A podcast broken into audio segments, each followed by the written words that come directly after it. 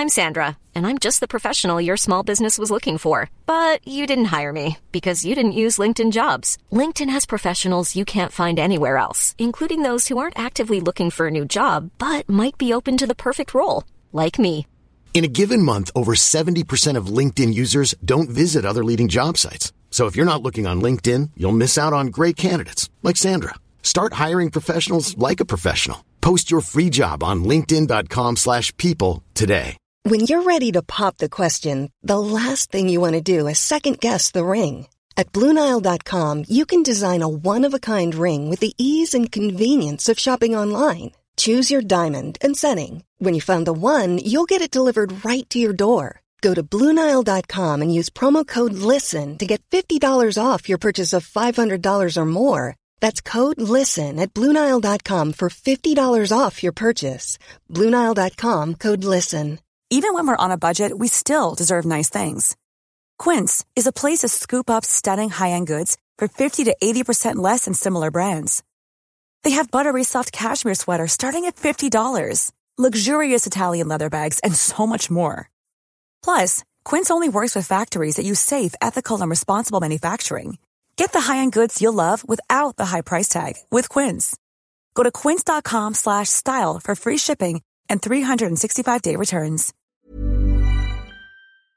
Ja, Øystein, er du klar? Jeg er klar for podkast. Og vi sitter foran mikrofonen. Det gjør vi. Det har vært så mye veteranbilkjøring i det siste, og det er jo så fin vær. Så det er deilig å være bilentusiast om dagen. Så Ja, det er um, fint. nå kryper jeg inn på hjemmestudio her og tar en timeout fra uteaktivitet. Ja, her er det så varmt nå at uh, her skulle vinduene stått oppe hele dagen. Men eh, Det glemte vi får lide oss gjennom. Nei, vi kjører pod. Vi kjører pod.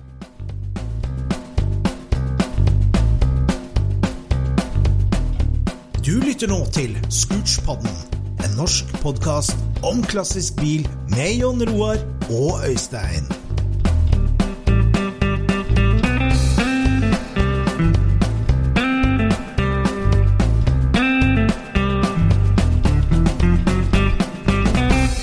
Yes, akkurat idet vi skulle starte pod, da, så fikk jeg telefon fra en sånn, et firma som driver med sånn eh, lagerseksjoner og mekkelokaler. Ja.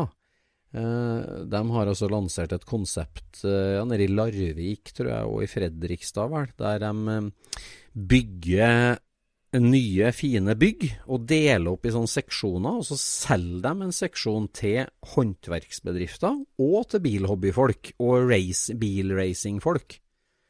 Ja. Nå hørtes det her ut som en skjult reklame, men jeg sier ikke noe navn, eller sånn, for det er ikke, det er ikke reklamen jeg er ute etter, det er mer sånn konseptet. For eh, det der er jo sånn veldig amerikansk modell, da, egentlig, som nå eh, Det er to firmaer i Norge som driver og drar i gang i Norge. At du rett og slett kan kjøpe deg et eh, mekkelokale til å drive med hobbybilen din eller rallybilen din eh, i et sånt eh, fellesskap, liksom. Det er litt interessant konsept. Men kjøper du et, et hjørne, liksom? Eller kjøper du Har du en egen port? Hva, hva Ja, ja, egen port. Også det, er, det er et svært langt bygg med 20 porter på rekke og rad. Det, er- det er ei lita dør og en port. Og så er det sånn moduler da på 72 kvadrat, eller 120 kvadrat, eller 140 kvadrat. At du kjøper en sånn Mm. modul.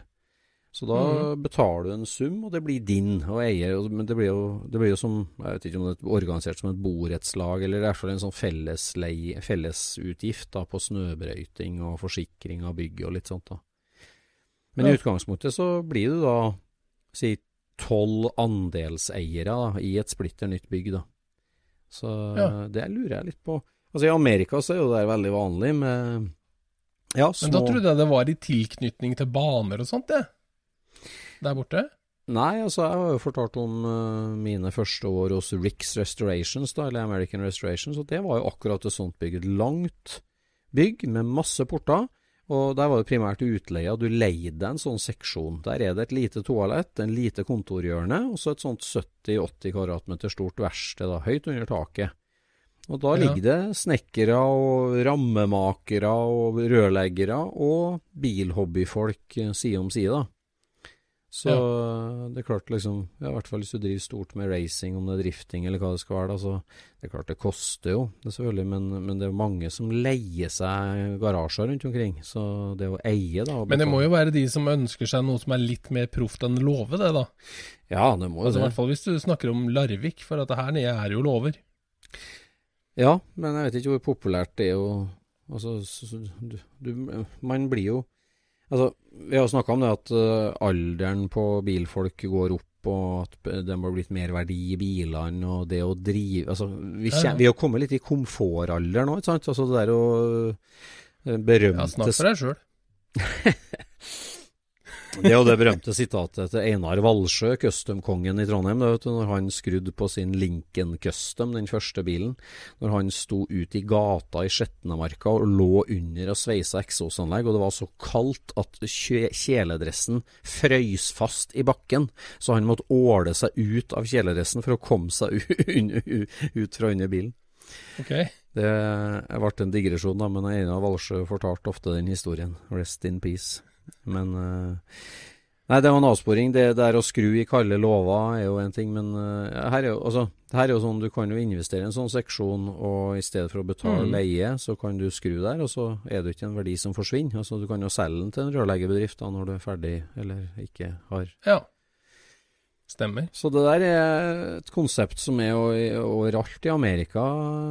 Altså Du har jo de berømte TV-programmene med sånn lagerseksjoner som blir auksjonert ut. Du har sånn til, Mm. tilsvarende type bygg, da, men at det er håndverksbedrift og bilhobbyfolk som driver på.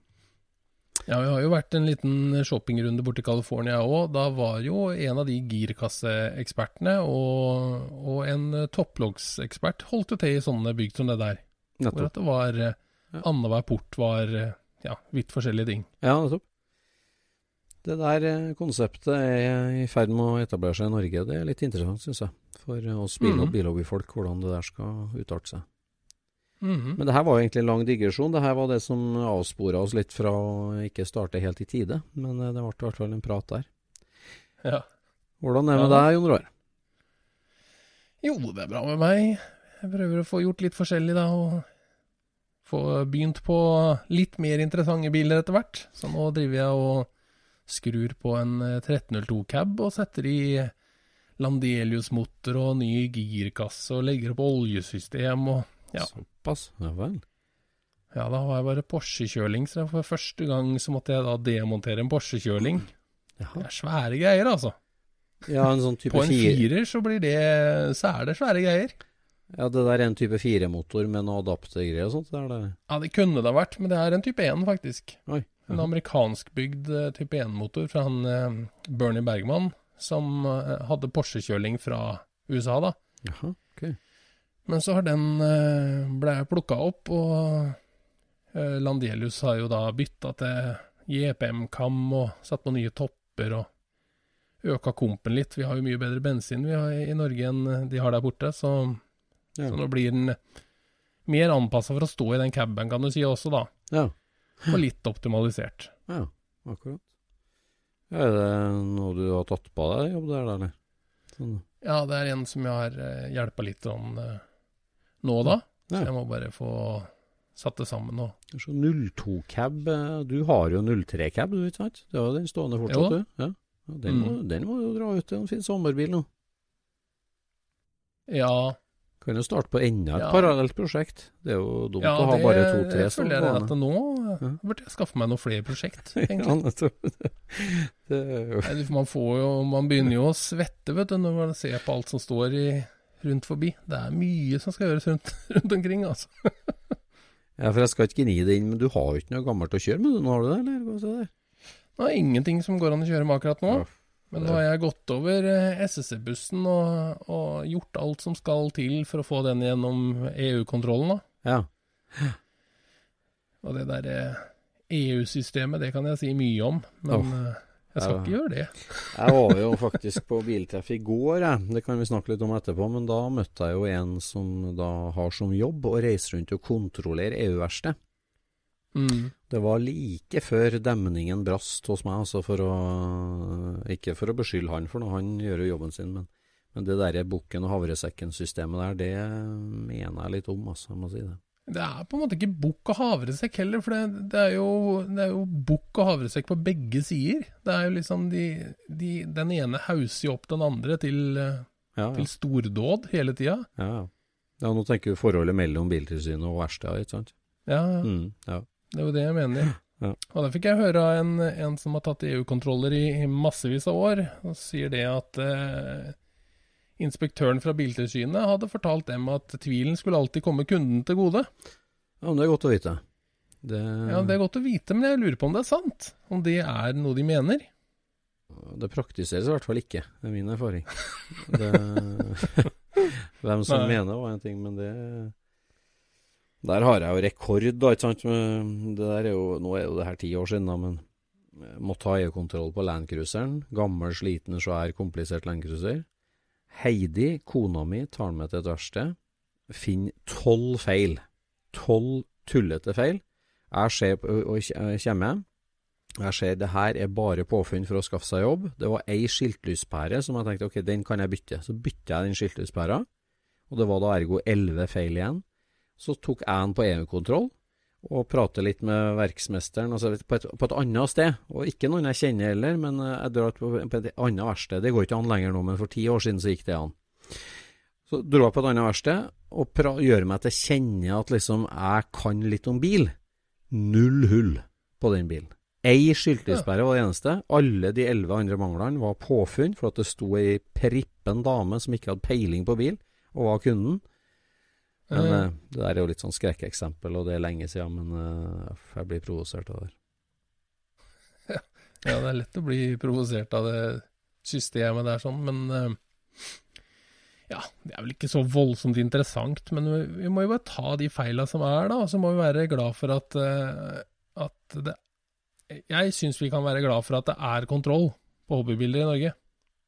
Ja, jeg er Det er ikke, det er ikke alle som er så veldig obs på hva som foregår under bilen sin alltid, altså. Det er ikke det. Det er helt sant. Det er, det, er- det er et bra system i bunn og grunn, det er jeg enig i. Men eh, ja, jeg syns man liksom eh, Det føles jo som man skulle liksom sette an ting litt mer. Ja.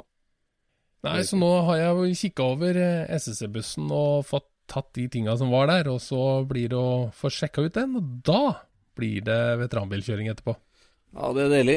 Jeg var ute og kjørt, eh, eller si, var hele familien ute og kjørte tre biler i går, og var på det velkjente Mårud-treffet på Mårud gård, altså potetgullfabrikken. Ja. Det ligger jo bare rett i nærheten her, og det er jo et veldig trivelig treff eh, der eh, familien Stang, da, som har Mårud gård, han er jo bilsamler og flysamler og motorsykkelsamler. Har jo egen flyplass på, på, rett ved potetgullfabrikken der. Så da var det fylles opp med alt mulig gammel bil og klassisk bil. Så veldig hyggelig treff. Det ble litt kort, men eh, vi var innom og fikk cruisa en tur. Det er artig å ha med familien på bil, tror jeg. Både kona kjørte en bil, og eldstemann kjørte en bil. Øvelseskjørt med bestemor som passasjer, så det var er helt topp. Hva var det som trakk så voldsomt da? Var det omvisninger på potetgullfabrikken òg, eller? Eh, nei, det var ikke Han mellomstemann er jo godterimonst, altså han gikk jo bare og lukta bare For det lukter jo så frityr, paprika, potetgull over hele området, vet du. Så jeg var så fornøyd med det. Så Ja, ja. Nei, men det er hyggelig sagt, det. Så jeg møtte jo en del kjente av oss og forskjellig. Så, Ja. så det, det det var hyggelig. Absolutt. Så det å ut og kjøre veteranbil når det er finvær, og jeg har kjørt jo ned Kabba og sånt det, Og så det, jeg kjørte jo Dannenhauer, og det, det er jo en veldig rar bil for veldig mange. Det er jo ingen som har sett en sånn bil før. Eh, nordmenn, på en måte. Og det er så mye rare forslag. Altså. Det er DKV og det er Carmangia, da, stort sett. Men ofte òg Porsche 356. ja. Så den havner midt imellom. Og så har det begynt å bli mer og mer vanlig å foreslå at det er en Rommertz, har jeg sett. Ja, det er sett òg. ja, det Jeg var jo på Jeg kjørte jo bare aluminium Rommertz her eh, på et treff i fjor. Og så var jeg på samme treffet nå for en par uker siden eh, med Dannenhauer. 'Å, fått lakk på den!' Å, fått lakk på den. En veldig gjengs, uh, gjengs sak. Rar bil uten tak, Ja. det må være samme. Fol- Folkevognbasert rar bil uten tak, det, det fins ikke mange av dem. Så, Nei, det gjør ikke det. Ja da. Nei, ellers så snakka Ja. jeg med Snakka hadde en lang prat med eh, en gjest da som vi driver og varmer opp, og som endelig har sagt ja at han blir med på Scootspoden. Uh, the man, the myth, the legend. uh, Ronny Krabberød. Han eh, hadde Ja. en hyggelig prat med her en dag. Så han eh, kommer på podden litt senere i sommer, og det gleder vi oss til. Så artig, da. Ja, det blir bra, det. Så. Han uh, hevder å ha fått alzheimer, så han husker ingenting fra sitt forrige liv, som han sier. Men uh, når vi begynner å prate, så husker han veldig godt. Og han er jo ikke akkurat vanskelig å prate med, Ronny. så det, så det, Nei. Så han eh, får vi med. Ellers så har vi jo eh, ei liste på litt gjester som vi skal innom framover. Det gleder vi oss til. Ja. Det gjør vi. Ja. Har du fått noe mye feedback på de gjestene vi har? Vi har jo snakka litt om Jon Roar, med eh, liksom, Er det en sånn tomannspodprat som funker, eller eh, skal vi ha litt av det og litt gjest i hvert, i hvert program, eller er det sånn hel, helprogram med gjester som er eh, bra? Nei, jeg vet i hvert fall det at det forrige temaet hvor vi prata om eh, sjel og bil og DNA, det fenga veldig. Og gjorde det? Det blei veldig masse tilbakemeldinger på, Oi, faktisk. ja, akkurat. For Ja, det, Der har mange, folk mange meninger. Ja. Um, og, og så er det jo noen som etterlyser at vi har nødt til å være si mer hva vi mener. Ja. Men det mener jeg jo at vi gjør òg. Jeg syns da vi Ja. sier det vi mener. Vi skal jo ikke begynne å ta opp eh, stropping av bil på henger. Det skal ikke vi snakke noe om. Det er det ene temaet vi har nødt til å styre unna. Ja. Det er helt sikkert andre tema òg, men, men det er hvert fall litt, da. Ja. Det er ja. livsfarlig. Don't go there! Don't go there. Nei, vi, ja, vi sier jo hva vi mener, ja. Men uh... Ja, men vi er jo runde i kantene nå. Det mener jeg. Jeg føler meg i hvert fall veldig altetende og Ja. Ja, du er jo på bedringens vei. Takker for den. Takker for den.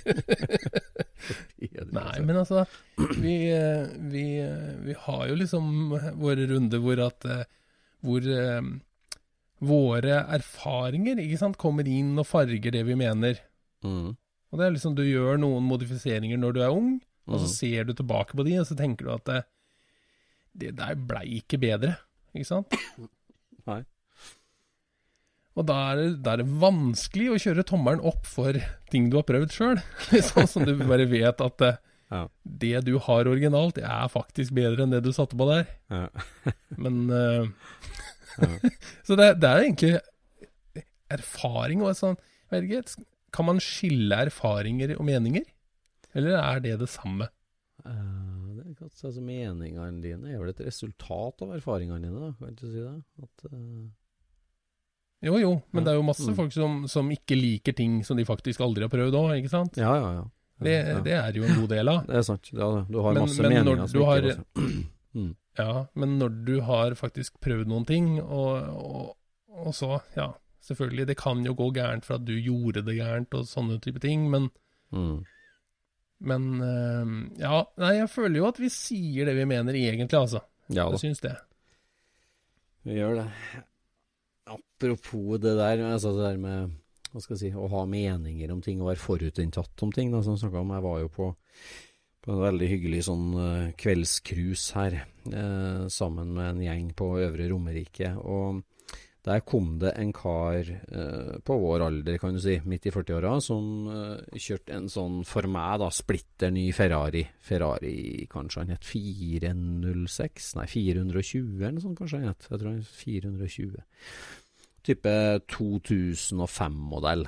Rød. Mhm. Skikkelig sånn moderne Ferrari i mitt øyne. Jeg har ikke noe greie på det, egentlig. Nei, ikke jeg heller. Og jeg tenker jo litt sånn at uh, det der er en kjekkas, liksom han som kjører en. Jeg, jeg innrømmer at jeg er litt forutinntatt på det, altså.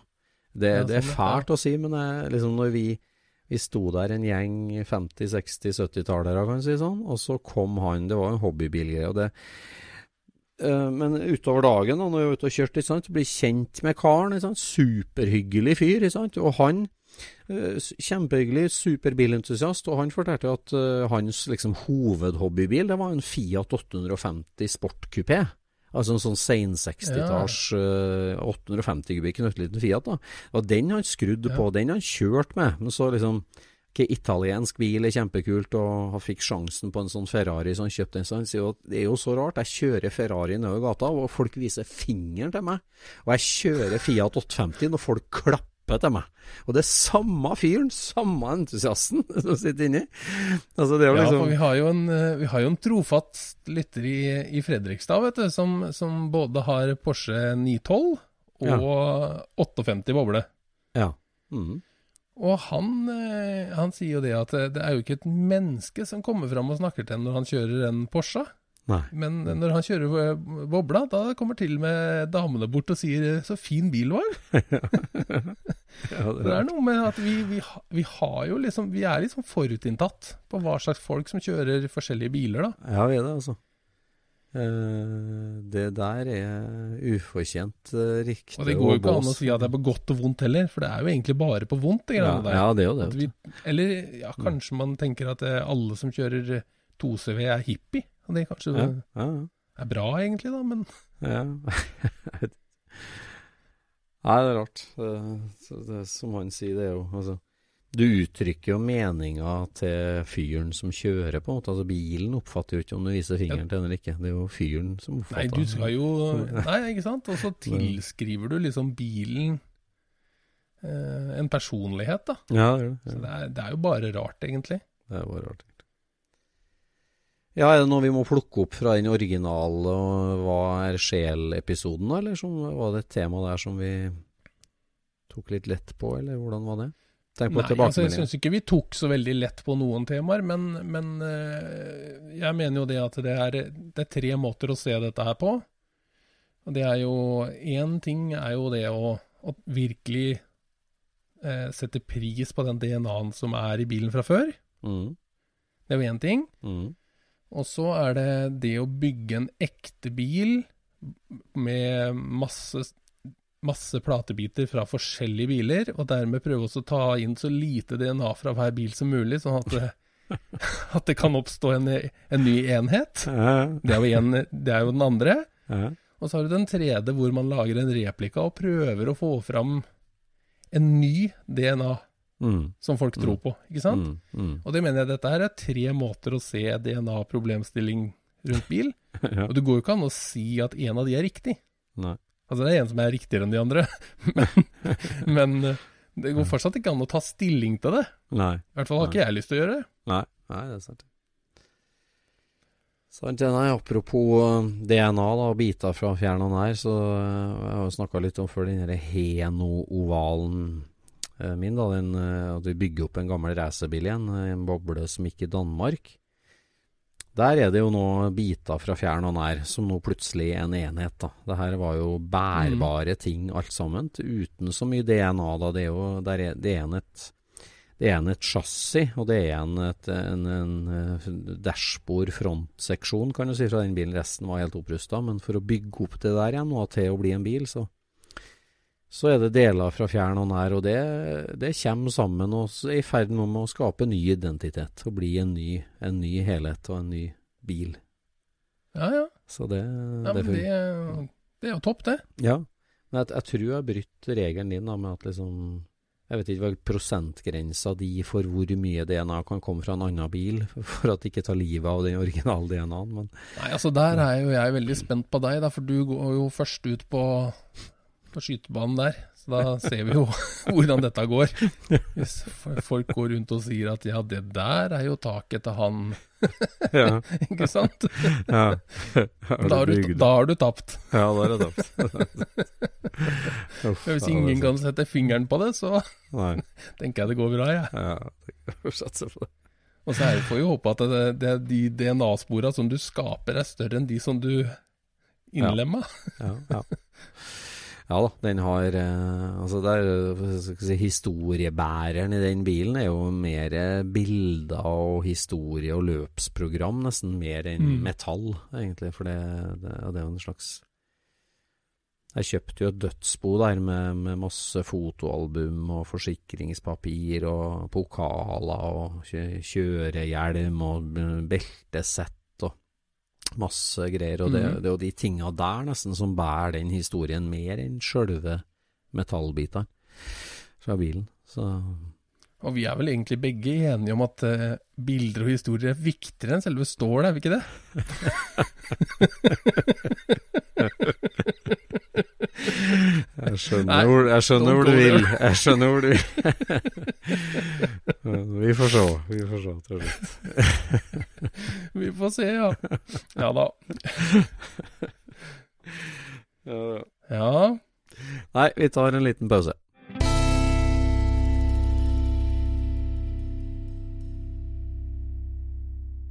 Ja, Øystein, du nevnte han eh, Ja. Einar Aalsjø. Ja.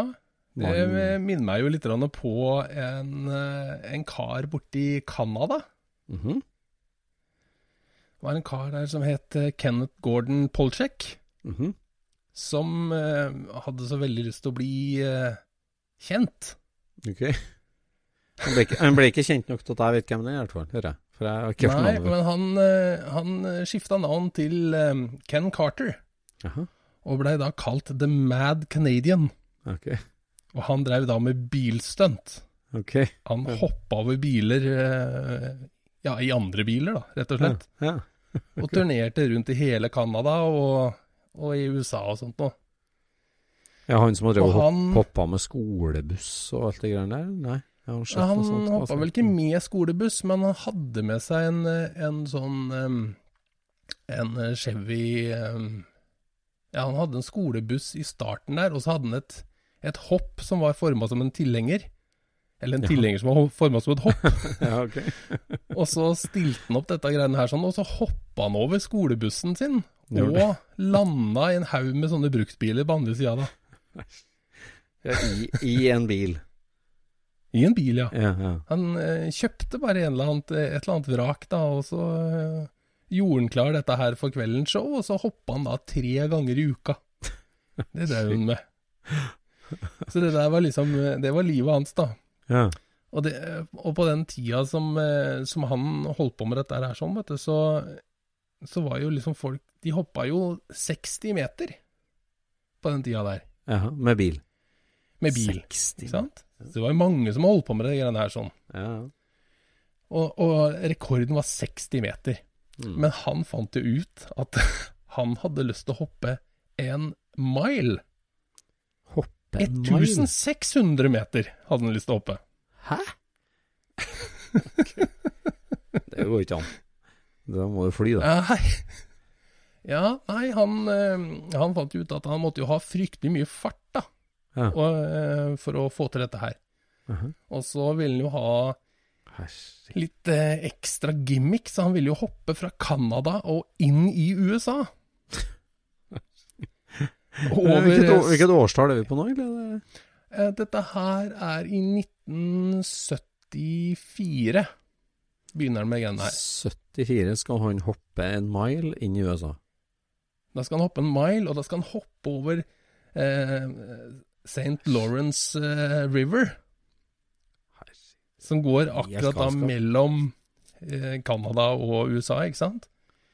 På det smaleste der sånn, så er det en mile over. Fra da byen eh, Morrisburg i eh, Canada og til øya Ogden i, i USA, da. Ja, det kan jo umulig Altså, et prosjektil på et tonn da, med veldig dårlig luftmotstand, det detter jo fort. Da må du ha en utrolig fart og en utrolig høyde, da, skal, det, skal du fly Ja. i mile.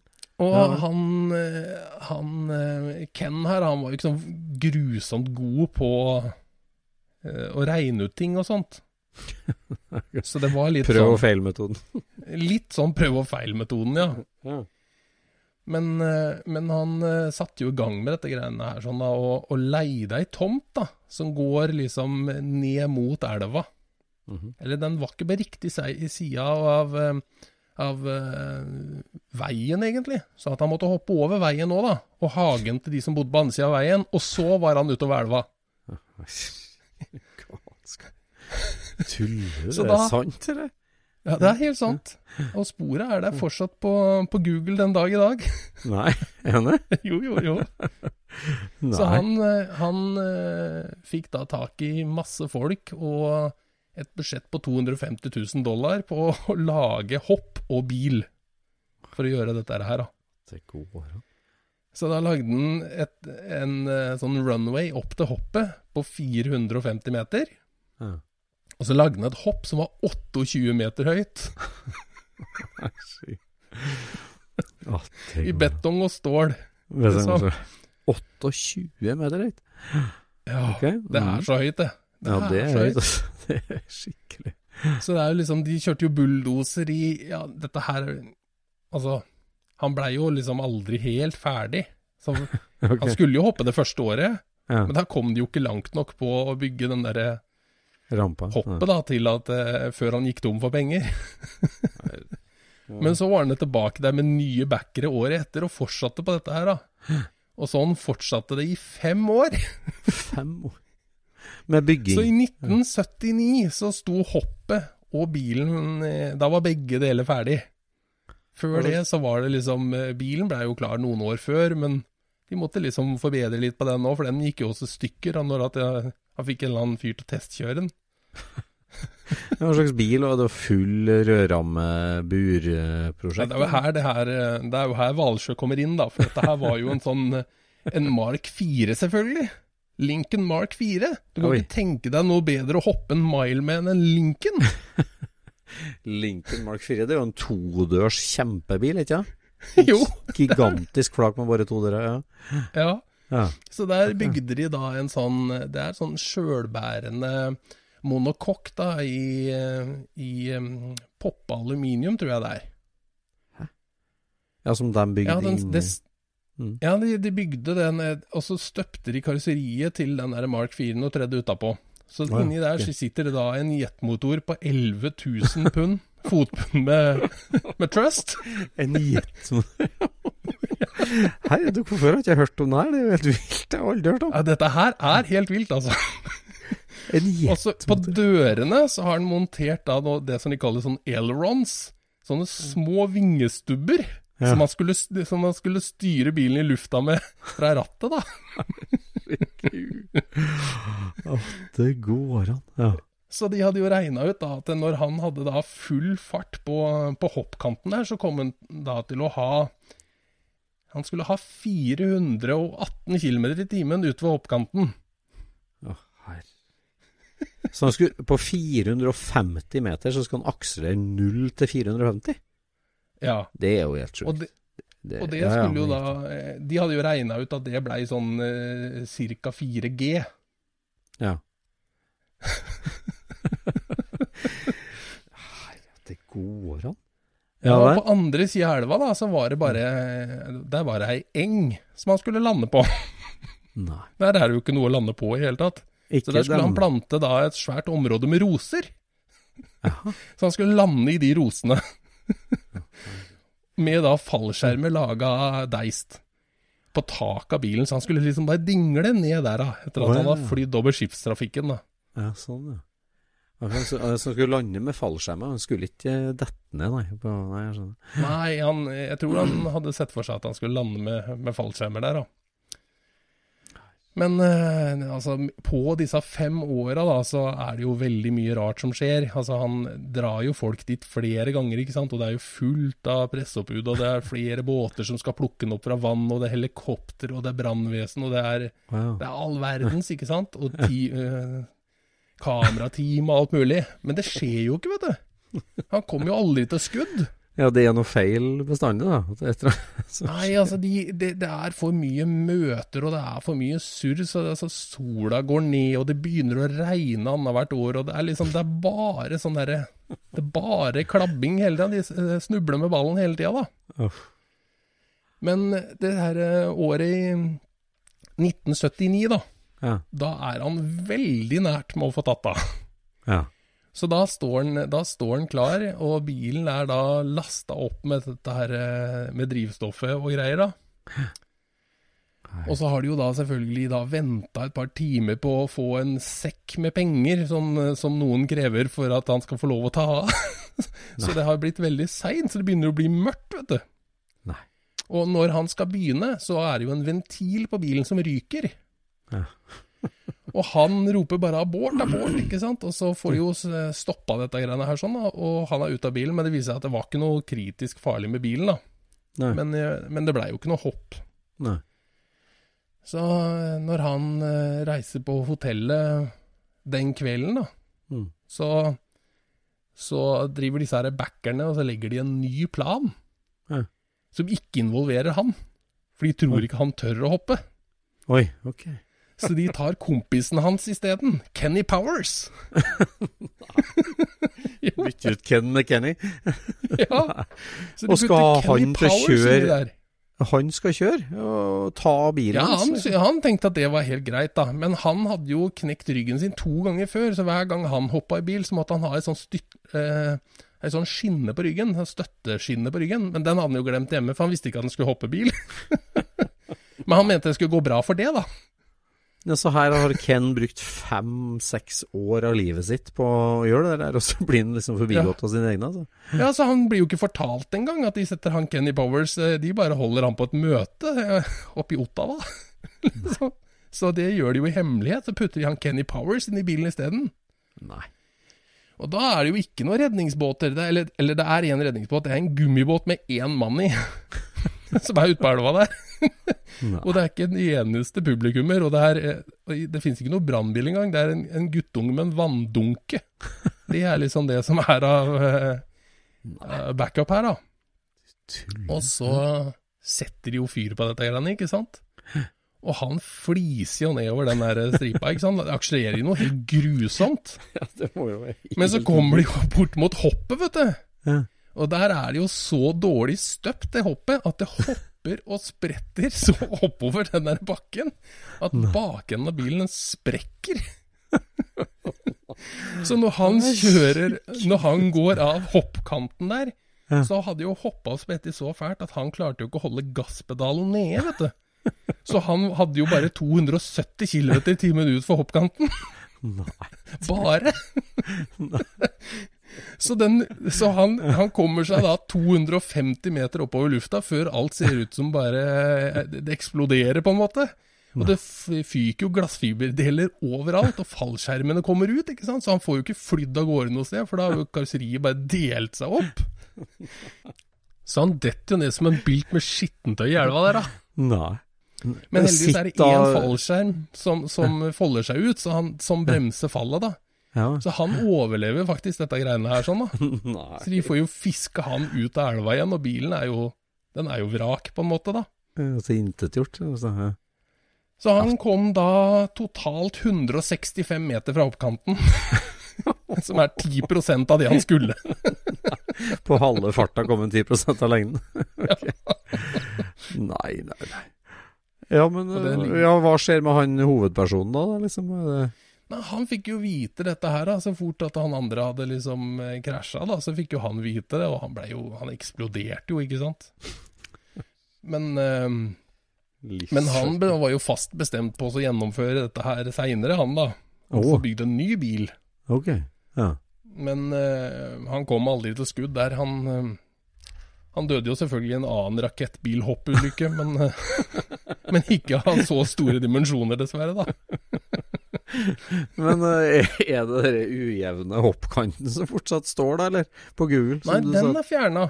Den har de fått fjerna. Eh, Men du ser hele stripa. Eh, Den går opp gjennom skauen der sånn. Nei. Så den, så den ser du. Ja, Det er akselerasjonsfeltet, liksom. Altså det, Akselerasjonsfeltet er der fortsatt. Men det er litt sånn gjengrodd, da. Og så er det jo masse canadiere som er veldig opptatt av å finne igjen den der linken, da. For at han var jo sånn Den er sånn ganske hel. Chassiset var ganske helt, men glassfiberkarosseriet var jo helt kaputt, da. Ja. Så, men den forsvant, vet du, i etterkant av, av det forsøket, da. Så den er ingen som finner. De, Ja, har, altså, den- de har en av disse her wingletsa. De har Ja. en av de som satt på dørene, det har de. Ja, men altså, det var ikke Den, den sank ikke i elva, altså, den bilen. Den, eh, Nei, den nei, ble fiska Det var veldig grunt der, for han kom ikke så langt uti. Så vidt det over nabotomta vår. Ja, ikke sant? Og så hadde de jo bygd inn litt sånne flotation devices, da. Er sikkert bare noe skum eller et eller annet, så han, så han gikk aldri under, egentlig, den bilen. Nei. Men Ja, han altså, Kenny Powers som- overlevde dette greiene her, han, eh, var han brast eh, åtte ryggvirvler og brakk tre ribbein, og forstua ankelen sin. Man kom Det seg gjennom, mest, det var mest fordi den glemte støtteskina si, eller? antakeligvis. Ja, det går an. Ja, det er helt vilt, altså. Liksom, men eh, det her må det jo lages en film om, altså det Flying Indian finnes en film. eh, Gjør det? Ja, ja, ja. Det de, det ble laga en dokumentar vet du, mens de holdt på med det her, som fulgte han alle åra. Og den het jo da The Devil In Your Heels. Nei? Og Den den ligger på. YouTube i sin helhet. Det er jo der jeg har sett. Det er jo den jeg har sett. Har du sett det? Yes. Og i 2016 altså, ble det jo laga en musikalsk dokudrama. ja.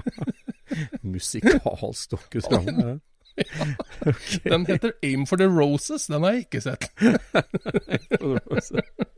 ja, det rosebedet står vel ubesudla fortsatt. Ja, den, Det så jeg aldri. Jeg, jeg tror faktisk ikke han gjorde det. Det var bare noe han sa.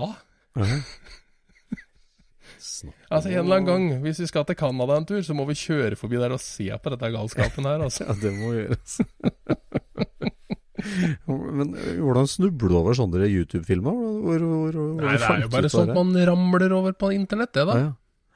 Nei. Ellers så var vel han derre Evil Canival, vet ikke det, som farta rundt i Ja, ja. USA.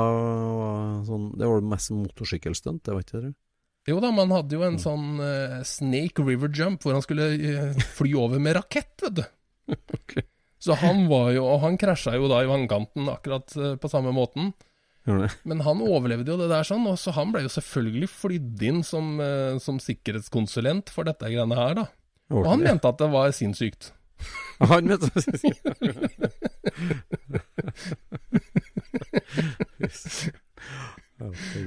Så han er med i filmen, han. Det høres jo helt vilt ut, det greiene der, da.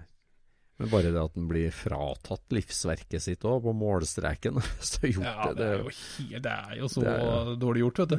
det er dårlig For det er jo det som er så, det er dårlige så, venner, altså. det er så teit, vet du, for hele bilen er jo bare Det står jo bare Ken Carter over hele bilen. Og så er det Kenny Powers som sitter inni! så, det er jo så My dumt. buddy Kenny. Helt Ja. vilt. Helt vilt. Ja. Nei, hvor går vi, hvor går vi igjen da? Det er en sånn story. Har du noen gang opplevd å, å få adrenalinsjokk? Adrenalinsjokk? Mm. Nei, det vet ikke jeg. Jeg vet ikke egentlig forskjellen Altså sånn å være så nervøs at du Eller så redd for ikke redd, men det er ikke samme, er det det? At du liksom blir så Altså at du Ja, jeg vet ikke. Det kan jo hende at det er sammen. plutselig, hva- plutselig balanserer på line da, og står midt over i elv, på en måte. Det er den redselen du føler da, eller det er, liksom, er, det, det er ikke adrenal, adrenalinsjokk, eller? Nei. Nei, jeg vet ikke. Men eh, jeg husker eh, den første gangen som, eh, som jeg satt på med deg når du kjørte løp, Øystein. Ja, det, det, da husker jeg du var i ekstase, i hvert fall. Ekstase. Ja, ja, det, Ja. Det, det er jo tidenes film, da, vet du. Virkelig. Det, det Den må vi jo legge ut, antagelig. Vi kjørte jo, vi kjørte jo bakkeløp i Meisterlia. Mm. På Innlandet i Norge et eller annet sted.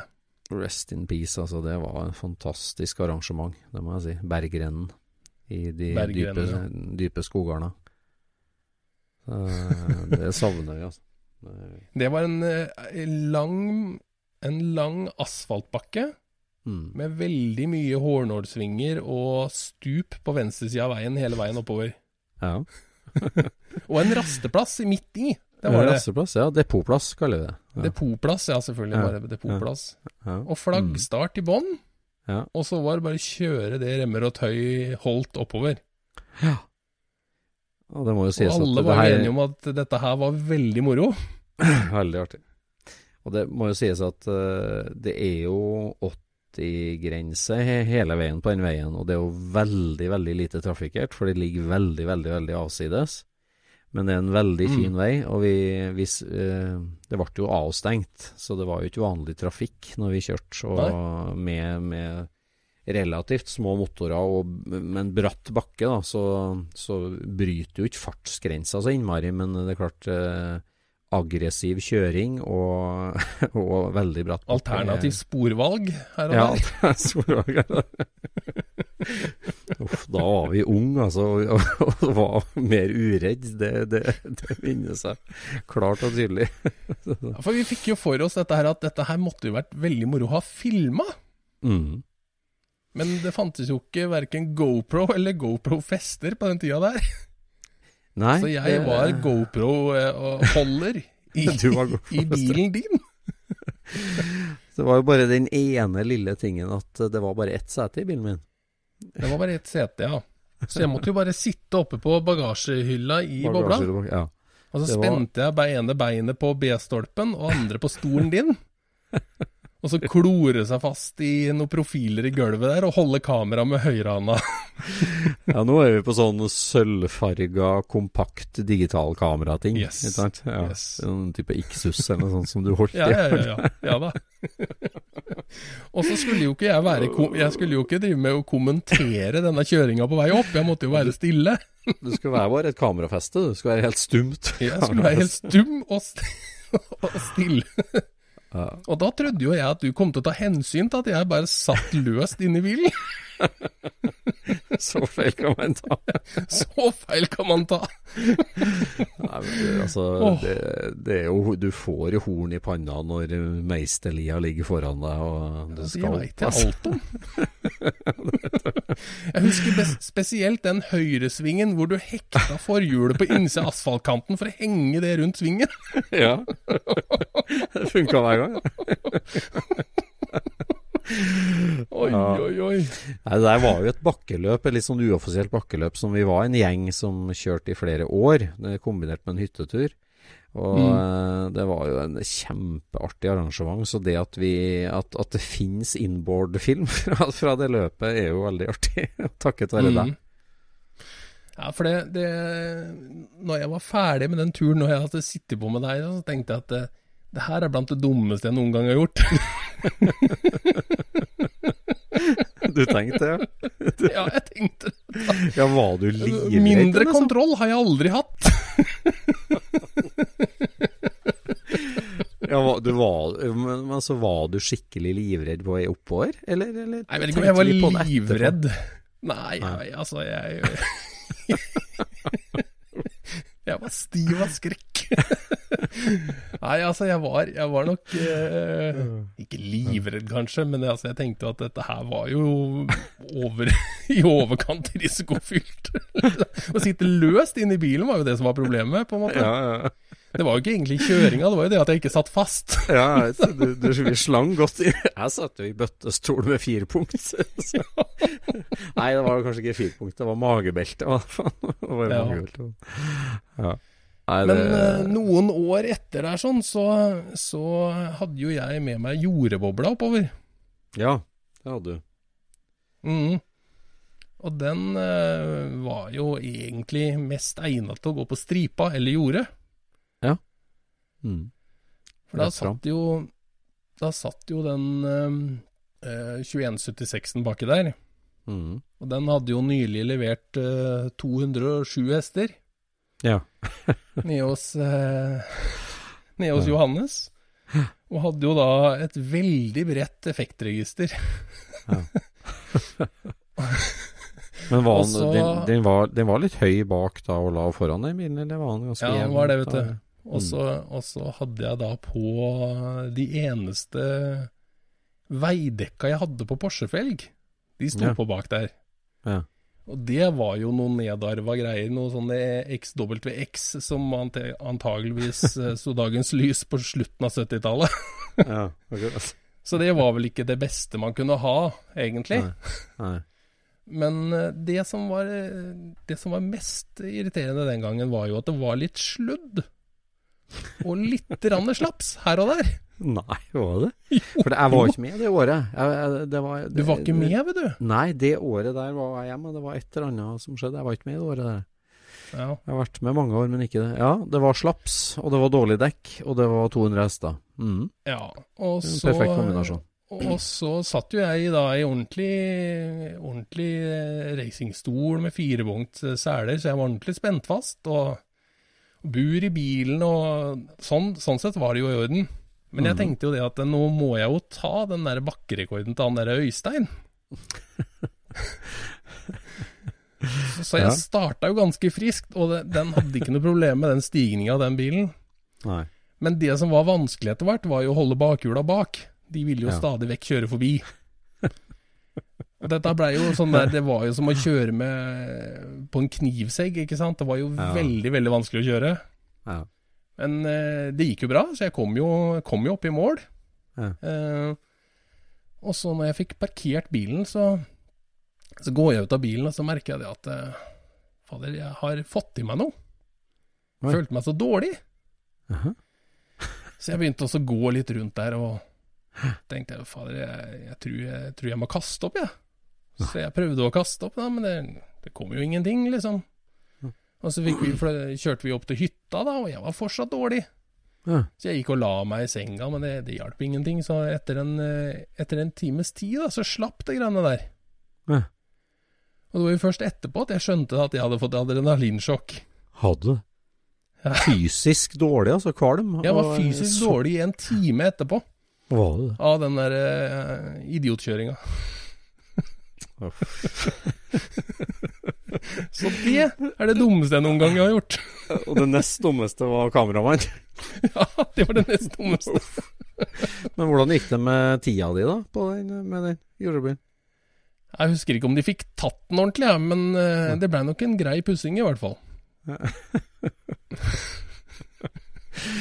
Uff, det, Berggren, det var, det var tider. Altså, jeg husker jo eh, Og rest in peace, da. Bjørn Inge Dalby, som var arkitekten bak hele berggrenen. Eh, Mm. Superentusiast fra Hamar, som vi minnes med stor glede. Når han var løpsleder, og vi drev og snakka om det at vi, det var om å gjøre å stille med lett bil. Vekt var viktig, få ned vekt. Ja. Han drev jo og tuna bensintanken som skulle være lite igjen på noe forskjellig. Og når han kom fram til startstreken og åpna måkevingedørene på RPB, eh, glasshuet-kitkaren sin, og satt der i trusa, det husker jeg altså. Han hadde pottehjelm på hodet og trusa, for han skulle, skulle ha hjelm, og han skulle være så lett som mulig. Det var så konge, det. Det var, det var gode under, altså. Ja, det var en bra mann.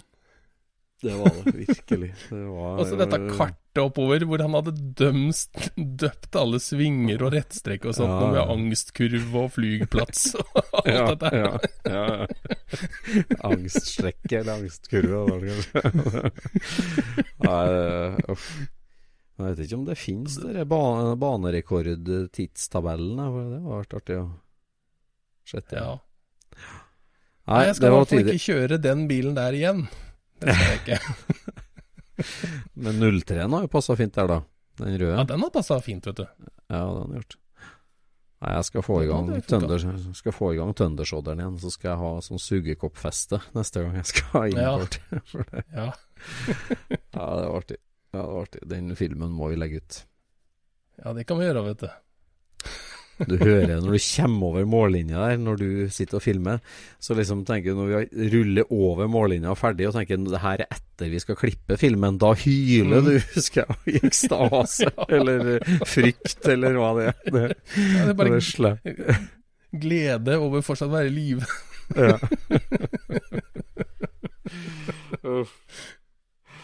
ja. ja. Sånn er det. Nei, men um, i dag har det vært auksjon òg. det er stadig mer biler som selges på auksjon. Så jeg satt uh, litt opptatt i lunsjen i dag og fulgte med på den svenske bilweb-auksjonen på årets mm. samlerbilauksjon. Fulgte du med du, eller? Mm. Jo, jeg så, jeg så bilene i hvert fall. Jeg satt ikke og så på, men eh, det var bra priser. Bra priser. Og Men er det, ja. er det svensker som kjøper det, eller er det utlendinger, eller hvem er det? Nei, jeg tror det Det er mye, ut, jeg tror det er mye utlendinger der. Jeg, tror, jeg satt og fulgte med på en del av auksjonene, og det, jeg tenker jo det at her er det en utlending som byr mot en svenske. Når du har sånn, han byr eh, 120 000, og så byr nestemann 120 500, og så byr han 130 000, og så byr han 130 500. Og så 140 000! 140 500! Da, da ser jeg for meg en litt sånn halvgnien smålending som sitter og legger på 500 kroner hele tida. Men jammen meg, altså. Den, det ene, den juvelen der, da, den der Sortak-splitten, den, den ble vunnet den, av han derre 500-kroner-typen. Det var én som la på 10 000 hele tida, og det var han med 500 kroner som, som fikk den til slutt. Så, Oi. så, så det var Men var det, var- der i en samling, eller var det bare en tilfeldighet at det var tre biler på en gang? Jeg tror det var to av de bilene kom fra samme samling, men eh, det Ja. var jo fire-fem interessante splitter der, og, og de var Mhm. forskjellige kanter av landet. Så det var litt interessant auksjon, da, men det var jo to beige 51-maler. Én var hob sånn veldig dårlig amatørrestaurert for mange år siden, og én var superrestaurert. Og det var ganske nøyaktig dobbel pris for den restaurert. Begge ja. var restaurert, for å si det sånn, men forskjellen mm. på ordentlig restaurering og bare restaurering, det var dobbel pris. Ja, ja. Og så var det jo en prosjektbil, eh, splittboble eh, med ståltak, og prosjektbil splittboble med soltak. Og der var prisen faktor tre. Så det var interessant. Mm. Ja, nei, det er eh, en ekte G11, var det det det var? Ja, 11G. Mm. 11G er det det. Ja. Det, var, det var herlig. Det var han altså, virkelig. Så du den eh, Den har sånn eh, Norrlandsvarme option, hadde den bilen, så du det? Nei, det vet ikke hva det er. Han har en sånn, et eget varmerør som ligger oppå kanalen inne i bilen. Altså det, de kobler seg på De lagde ei ekstra varmepotte på motoren for å fange mer varme, som går inn i en egen, eget varmerør fra baksetet som ligger oppå dørstokken, så du må skreve over et 70 mm rør når du går inn i bilen. Og, eh, blå, Hvem er de? Er det folkevogn, eller er det svensk? Nei, det der var en sånn svenskprodusert option. Norrlandsvarme kaltes uh, settet. Jeg er litt usikker på hvem som var produsent. Da. Ja, ok. Men uh, det, det er et svensk uh, à la Lloyds Industrier eller noe sånt i Sverige da, som lagde de setta der. Jeg har sett eh, flere Ja. bobler med. Og den sortaksbilen hadde der, der den ekstra varmekanalen som ligger oppå. Og når du så bildene fra under, så var jo den originale Folkongkanalen var helt bortrusta. Du så rett Oi. gjennom den. Hele bånd var bort, og du så gjennom kanalen. Og det var bare Norrlandsvarmerøret som var helt på en måte på deler av. Så Ja. Nok om det. Må følge med litt på hvor markedet går hen. Mm. Jeg var med å bøye litt, men jeg var langt unna de der tyske prisene som ble på, på det til slutt. Ja. Mm. Ja, nei, skal Ja, ja. vi ta oss og få begynt på, på resten av dagens eh, gjøremål, da? Ja, jeg skal ut og se på noe snekkerjobb her. Ja. Yes. Jeg skal ut og skru litt bil. Vi Så prates i da neste uke. snakkes vi. Ja. Jepp. Ha, ha det bra.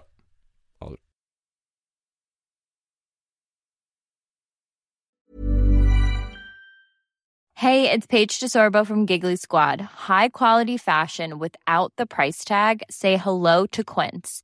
I'm snagging high-end essentials like cozy cashmere sweaters, sleek leather jackets, fine jewelry, and so much more. With Quince being 50 to 80% less than similar brands. And they partner with factories that prioritize safe, ethical, and responsible manufacturing. I love that. Luxury quality within reach. Go to quince.com slash style to get free shipping and 365 day returns on your next order. Quince.com slash style. Mom deserves the best, and there's no better place to shop for Mother's Day than Whole Foods Market. They're your destination for unbeatable savings, from premium gifts to show-stopping flowers and irresistible desserts. Start by saving 33% with Prime on all body care and candles. Then get a 15-stem bunch of tulips for just $9.99 each with Prime. Round out Mom's menu with festive rosé, irresistible berry chantilly cake, and more special treats. Come celebrate Mother's Day at Whole Foods Market.